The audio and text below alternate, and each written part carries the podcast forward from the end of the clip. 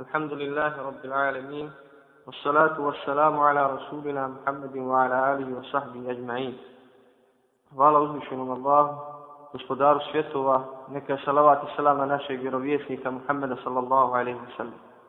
Za Allahu Đelešanu dozvolu mi ćemo obrađivati sunnet Allahu poslaniku sallallahu alaihi wa sallam ili drugim riječima hadis. Govoriti o sunnetu Allahu poslaniku sallallahu alaihi sallam ima veliku važnost posebno u ovim, u ovim vremenima kada je sunnet zapostavljen kada je se među ljudima rasirila novotarija, raširila se sujevjerje, praznovjerje, nestalo je sunneta, nestalo je praksi Allahu poslanika sallallahu alaihi sallam. I ono što je danas prisutno kod ljudi, danas to ljudi nazivaju sunnetom, nazivaju to praksom, tradicijom. I nije nimalo čudo kada se među ljudima pojavi neki sunnet, kada se oživi neki sunnet da to nazive novotariju. Ovo su vremena kada se ne samo na našim prostorima, nego na prostorima čitavog islamskog umeta doživljava jedno islamsko buđenje, gdje se naravno uz oživljavanje temeljnih principa vjere življava i praksa Allahu poslanika Muhammeda sallallahu alaihi sallam. Mi ćemo za Allahu Đelešanu dozvolu našljati da obradimo neke osnovne teme s obzirom na mali broj časova, nastojat ćemo da obradimo neke osnovne teme vezane za hadis, vezane za definiciju, šta je to hadis, šta je sunnet, kako je nastalo zapisivanje hadisa, kako je nastalo sakupljanje sunneta, koje su najpoznatije zbirke hadisa, njihove karakteristike ukratko, zatim kako su nastali lažni apokrifni hadisi, uzroci nastanka tih hadisa i na kraju, kao je li završetak svega toga, bit će odabrani neki hadisi, njihov komentar i pouke tih hadisa. Na prvom redu govorit ćemo o definiciji hadisa, definiciji hadisa ili definiciji sunneta. U jezičkom smislu sunnet označava put, pravac i način bez obzira bio on dobar ili loš. Na ovu jezičku definiciju se odnosi riječi Allahu poslanika sallallahu alaihi wa sallam u kojima kaže ko uvede u islam lijep sunnet imaće za to nagradu a i nagradu svih onih koji po njemu budu radili nakon njega. Tako da nikome od njih nagrada neće biti umanjena. A ko islam uvede loš sunet, imaće za to grije, a i grije svi oni koji to posle njega budu radili, s tim da njihovi grijesi neće ništa biti umanjeni. A da muslim. Znači, u jezičkom značenju sunneta značava put, pravac ili neki način, bez obzira bio dobar ili loš. Dok u terminološkom značenju, jeli, u šerijskom značenju postoji nekoliko definicija sunneta. Prvo kaže imam i šati bi, kaže sunnet je nasuprotno motari. Kada kažemo sunnet, je li podrazumijevamo da to nije novotarija, da to nije bidat. Kaže se za osobu da je na sunnetu, da je sunetlija ako radi u skladu sa poslanikom sallallahu alaihi sallam praksom. A za osobu koja postupa suprotno sunnetu, kažemo za njega da je novotarija. Znači ovo je definicija imami šatibija. Također termin sunnet upotrebljava se i za postupke ashaba Allahu poslanika Muhammeda sallallahu alaihi wa sallam. Znači, i za njihove postupke kažemo da su sunnet. Bez obzira nalazimo se to u Kur'anu ili ne nalazimo. To je iz razloga što su neke prakse poslanika sallallahu alejhi ve sellem zadržane kod njih, nisu došle do nas, Ili je to njihov štihar? Oni koji kažu da termin sunnet uključuje i praksu ashaba radijallahu anhu, uzimaju za dokaz riječi Allahu poslanika sallallahu alejhi ve sellem alejkum bi sunnati wa sunneti bi hulafai rašidina al mahdijin min ba'di. Kaže, držite se moga sunneta i sunneta mojih upućenih pravednih halifa posle mene. Hadis bilježi Ahmed Abu Dawud Ibn Mađe, Tirmizija i kaže da je Hasan Sahih. Nakon nastanka i razvoja islamskih nauka, uporedu s tim nastaje i njihova terminologija, a samim i tim različite definicije sunneta. Pa zato imamo kod učenjaka u suli fikha njihovu definiciju sunneta. Kod učenjaka fikha imamo njihovu definiciju. I na kraju kod učenjaka hadijskih nauka imamo njihovu definiciju sunneta. Pa ćemo navesti prvo jeli, definiciju sunneta kod učenjaka u suli fikha. Učenjaci u suli fikha sunnet definišu na sljedeći način. Kažu, sunnet je sve ono što potiče od poslanika, sallallahu alaihi wa sallam, njegove riječi, dijela i prešutno odobravanje, a što može poslužiti kao dokaz za šerijeski propis. Znači, sunnet je sve ono što potiče od poslanika, sallallahu alaihi sallam, njegove riječi, njegova dijela i prečetno odobravanja što može koristiti kao šerijetski, kao dokaz za šerijetski propis. Definicija sunneta kod učenjaka fikha, a vi ga budete, vjerovatno ćete učiti, spominjati na usul fiku ili fiku razliku između fikha i usul fikha. Kaže, kažu učenjaci, učenjaci fikha, sunnet je sve ono za čije se činjenje zaslužuje nagrada, a za ostavljanje ukor, a ne kazna. Ili, također imaju on dvije definicije, ono što je naređeno, ali ne strogo naredbu. Znači, kućenjaci fika definiciju sunnet kao sunnet je sve ono za čije se činjenje zaslužuje sevap, nagrada, a za ostavljanje ukor, a ne kazna. Ili druga njihova definicija ono što je naređeno, ali ne strogo naredbu. I zadnja, treća definicija je definicija učenjaka hadisa, učenjaka hadisa ili muhadisa, koji kažu da je sunnet sve ono što je preneseno od poslanika, sallallahu alaihi wasallam, njegove riječi, praksa, prečutno odobravanje, moralno-etičke osobenosti ili životopis koji obuhvata njegov život prije i poslije poslanstva. Znači, kod učenjaka hadisa, sunnet je sve ono što, što je preneseno od poslanika, sallallahu alaihi sallam, njegove riječi, praksa, prečutno odobravanje, moralno-etičke osobenosti ili životopis koji obuhvata njegov život prije i poslije poslanstva. Mi često spominjemo sunnet, termin sunnet i termin hadis. Pa se sada postavlja pitanje da li postoji razlika između sunneta i hadisa. Da li je hadis sunnet, da, da li je to jeli, sinonim ili što dva različita pojma. Kod islamskih uče, učenjaka, kada u pitanju sunnet i hadis, postoje dva mišljenja. Kada u pitanju razlike između sunneta i hadisa, postoje dva mišljenja. Prvo mišljenje je da, je sunnet, da su sunnet i hadis dva različita termina. Znači prvo mišljenje je da su sunnet i hadis dva različita termina i po ovom mišljenju sunnet je obuhvatniji od hadisa. Znači sunnet je obuhvatniji i su obuhvatniji od hadisa. Zato kaže, oni kažu hadis se odnosi na ono što je prenešeno od poslanika sallallahu alaihi wasallam poslije poslanstva. A sunnet se odnosi na ono što je preneseno i prije i poslije poslanstva. Znači oni smatraju da je hadis ono što je preneseno od poslanika sallallahu alaihi wasallam poslije poslanstva, a sunnet ono što je preneseno i prije i poslije poslanstva. Dalje, kažu, hadis je ono što je preneseno samo od poslanika, sallallahu alaihi sallam, dok je sunnet praksa koja je prenesena od prve generacije, bez obzira bilo to od poslanika, sallallahu alaihi sallam, ili od ashaba, radijallahu anhu.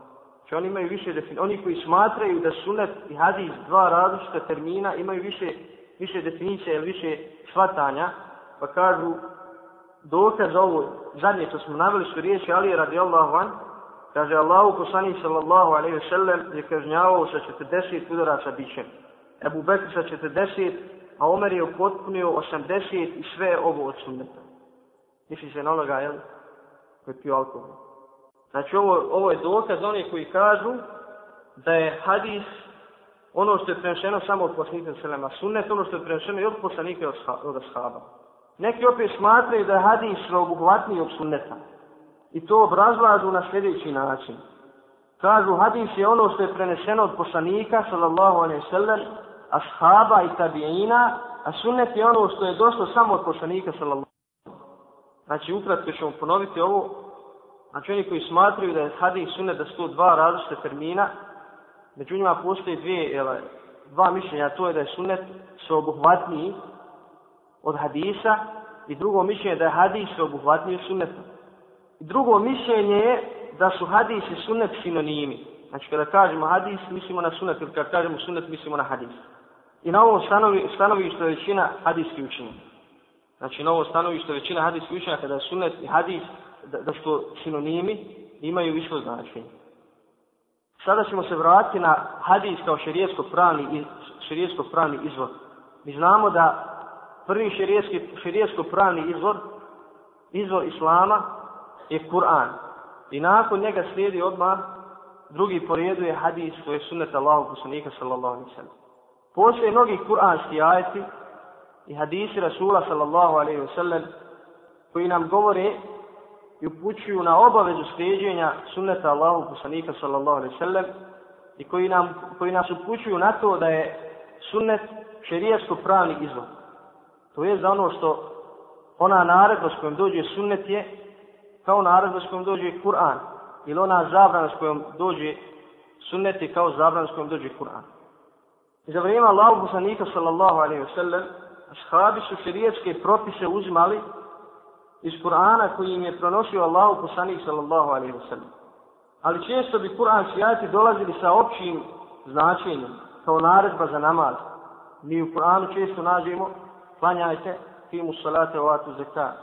Klanjajte, obavljajte namaz i dajte zekat.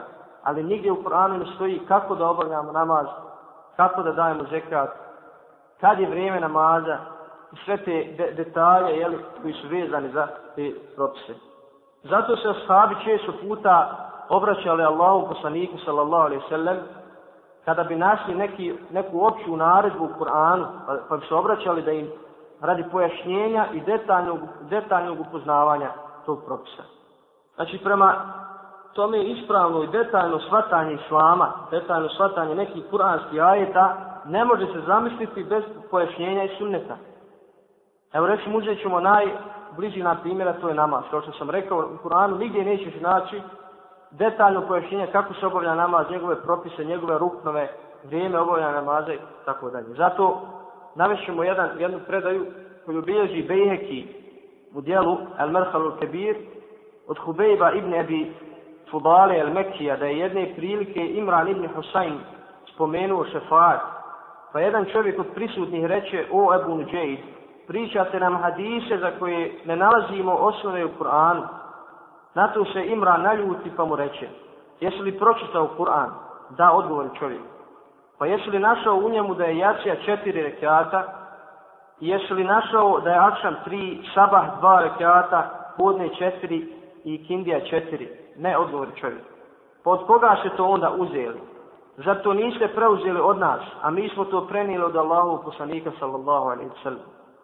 Da li ste našli u Kur'anu da se na svakih 40 ovaca daje jedna ovca? Na, koli, na toliko i toliko deva daje se toliko? Na toliko i toliko dirhema daje se toliko? Ne odgovori čovjek. Pa od koga ste to saznali? Upita ga. Zato niste naučili od nas, a mi smo to prenijeli od Allahu poslanika sallallahu alaihi wa sallam. Zatim reče, pročitali ste u Kur'anu i neka oko, oko kuće drevne obilaze. Da li ste našli u Kur'anu, obilazite sedam i klanjajte dva rekiata iza Mekam Ibrahima? Na to čovjek odgovori, ne. Zar niste čuli riječi uzvišenog Allaha u njegovoj knjizi وَمَا آتَاكُمُ الرَّسُولُ فَهُدُوهُ وَمَا نَهَاكُمْ عَنْهُ فَنْتَتُ Ono što vam poslanik da, uzmite, a ono što vam zabrani, klonite ga se. Zatim Imran reče, naučili smo od Allahovog poslanika sallallahu alaihi wa sallam znanja u kojima naučili smo od poslanika sallam stvari u kojima vi znanja nema. Znači iz ovoga vidimo, draga braćo, da je nemoguće shvatiti neke kuranske ajete ili neke šarijetske propise detaljno isprovesti u praksu bez pojašnjenja od Allahu poslanika sallallahu alaihi ve sallam, to je bez pojašnjenja i sunneta.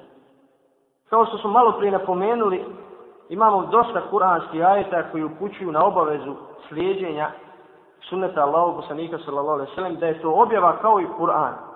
Pa kaže uzvišeni Allah dželle šanuhu: "A'udhu billahi minash shaitanir rajim, wa ma yantiqu 'anil hawa in huwa illa wahyu yuha."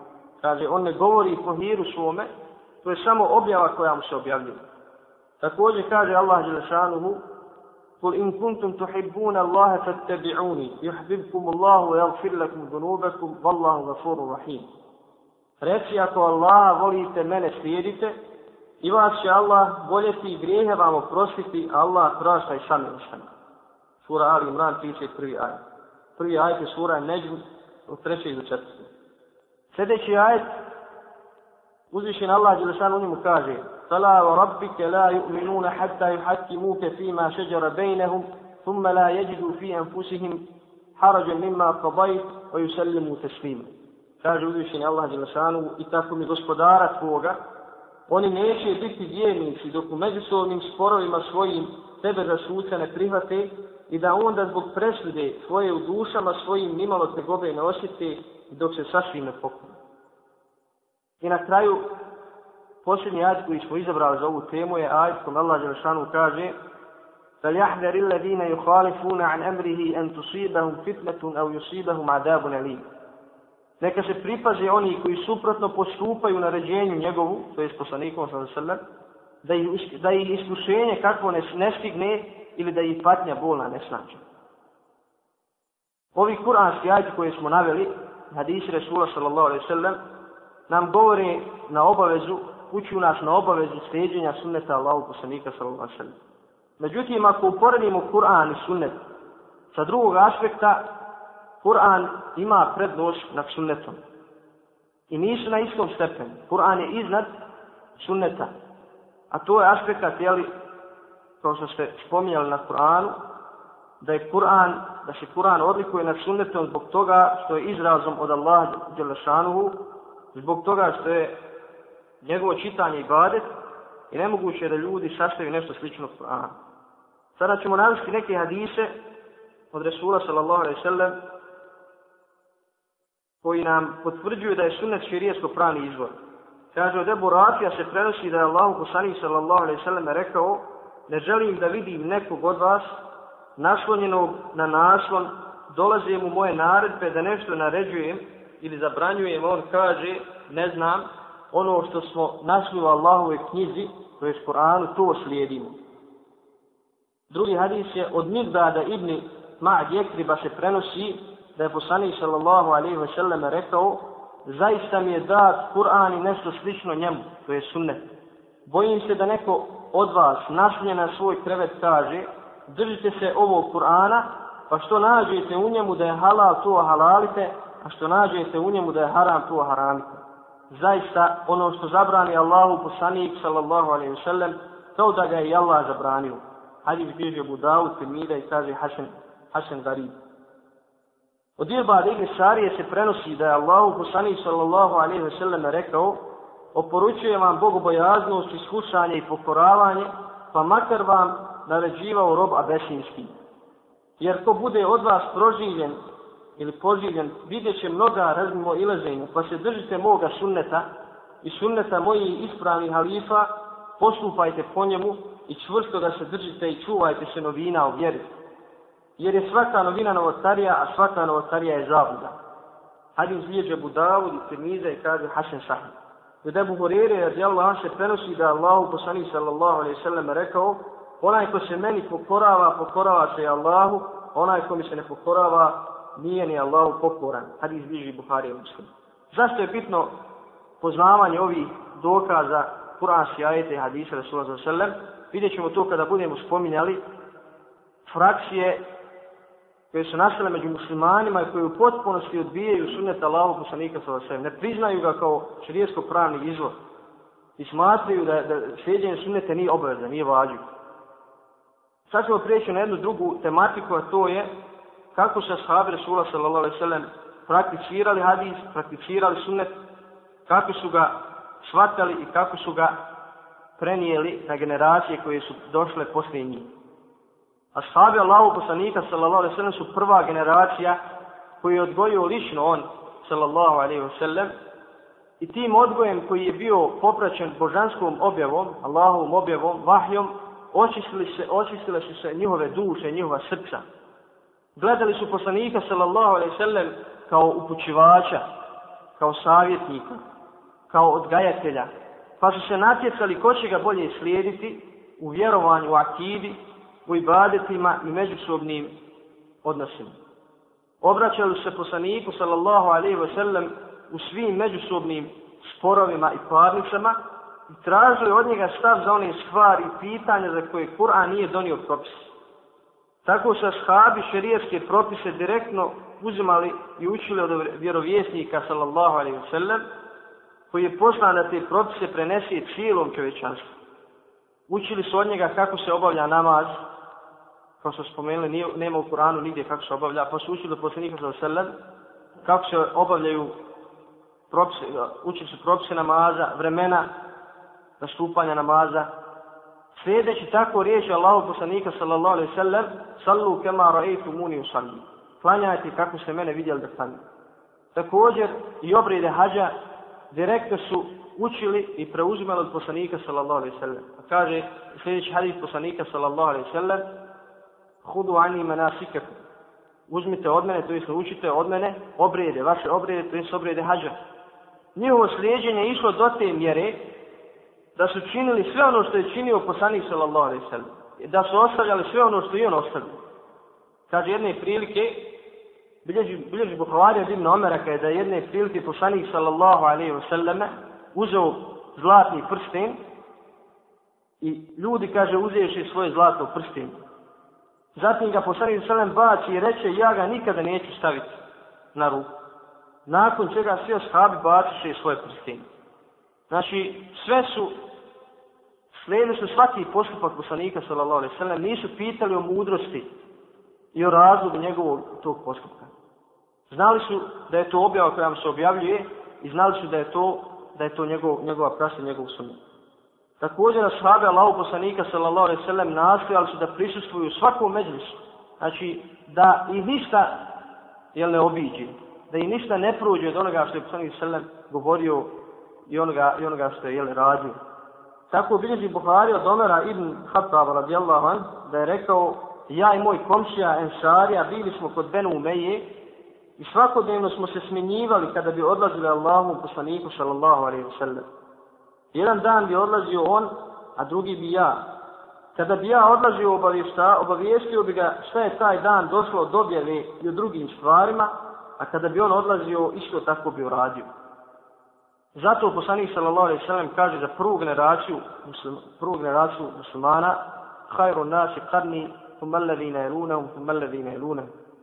Zašto su oni najbolja generacija muslimana? Zašto su oni uzrastima? Zato što su oni uistinu shvatili obavezu i odgovornost koja je bila na njihovim leđima. To je prvo, jel naučiti Allahu vjeru, sprovesti u praksu i prenijeti drugim generacijama koji su došli za njih. Nažalost, kako su vremenom, kako su dolazile druge generacije, je ta želja i to nastojanje slabilo, pa su na, poslije toga nastajale jeli, sekte, nastajale frakcije i nastajale oni koji su rovarili ovu vjeru islam iznutra. Bilo je među ashabima i oni koji bi znali prijeći veli, velike razdaljine da bi saznali neki šerijski propis. Kad je bilježi Buharija u svom sahihu od Utbe ibn Harisa, da je jedna žena obavijestila da je dojila njega i njegovu ženu. Či ženio se, ženio jednu ženu, pa ga je jedna žena obavijestila da, ga, da ga ona dojela i njega i njegovu ženu, već da, da mu je sestra pomlijeti. Kaže, on je odmah uzeo u svoj jahalicu i zaputio se ka Medini, a bio je u Mekiji. Zaputio se da Allahu poslanike, sallallahu alaihi wasallam. Kada je stigao, pitao ga je o širijetskom propisu za onoga ko se, ko se oženi ženom, ne znajući da mu je ona sestra po mlijeku. Na to mu poslanik, sallallahu alaihi wasallam, reče, kako kada je već rečeno to, već kako da učiniš to kada je već propis poznan. Ovo su, jeli, neki primjeri iz života ashaba koji nam jasno govore kako su ashabi pazili na Allahove naredbe i zabrane, koliko su pažnje pridavali sunet Nesula s.a.v. sprovodili hadis i kako su ga ovaj, čuvali, pazili na njega nakon smrti Allahu poslanika sallallahu alaihi sallam. Znači, nakon smrti Allahu poslanika, sallallahu alaihi sallam, ashabi su pri, na drugi način pridavali pažnju sunnetu Allahu poslanika, sallallahu alaihi sallam, tako su učili hadise na pamet, ispitivali su lanac prenosilaca, kome ćemo poslije govoriti, putovali su, prelazili su velike razdaljine da bi naučili ili da, da bi čuli samo jedan hadis koji je prenesen od Allahu poslanika, sallallahu alaihi sallam shvatili su veličinu odgovornosti koja je bila na njihovim leđima. Shvatili su jel, tu obavezu prenošenja vjere. Oni su ta karika koja, koja je prenijela, jel, karika prenošenja vjere na generacije iza njih, na sebine i oni koji su došli iza njih. Pa kaže, oni su imali na umi ajet u kome, hadis kome poslanik sa sallam kaže Beligu anni walau ajet, prenesite od mene makar jedan ajet. Zato ćemo naći da su mnogi ashabi nakon smrti Allaha poslanika sa sallam da se raširili po, po svijetu, da, su, da je malo njih umrlo u Medini, da su mnogi išli u druge krajeve islamskog umeta širili, širili to nasljedstvo od poslanika sallallahu alaihi sallam. Također su imali na umi hadis kome poslanik sallallahu alaihi sallam kaže neka Allah da udoban život onome ko shvati i prenese, ko shvati moje riječi i prenese ih onako kako je čuo. Jer možda onaj koji bude obaviješten bolje shvati od, od, od onoga koji je prenio. Također su imale na umi riječi Allahu poslanika sallallahu alejhi ve sellem ko na mene namirno slaže neka pripremi sebi mjesto u džehennemu.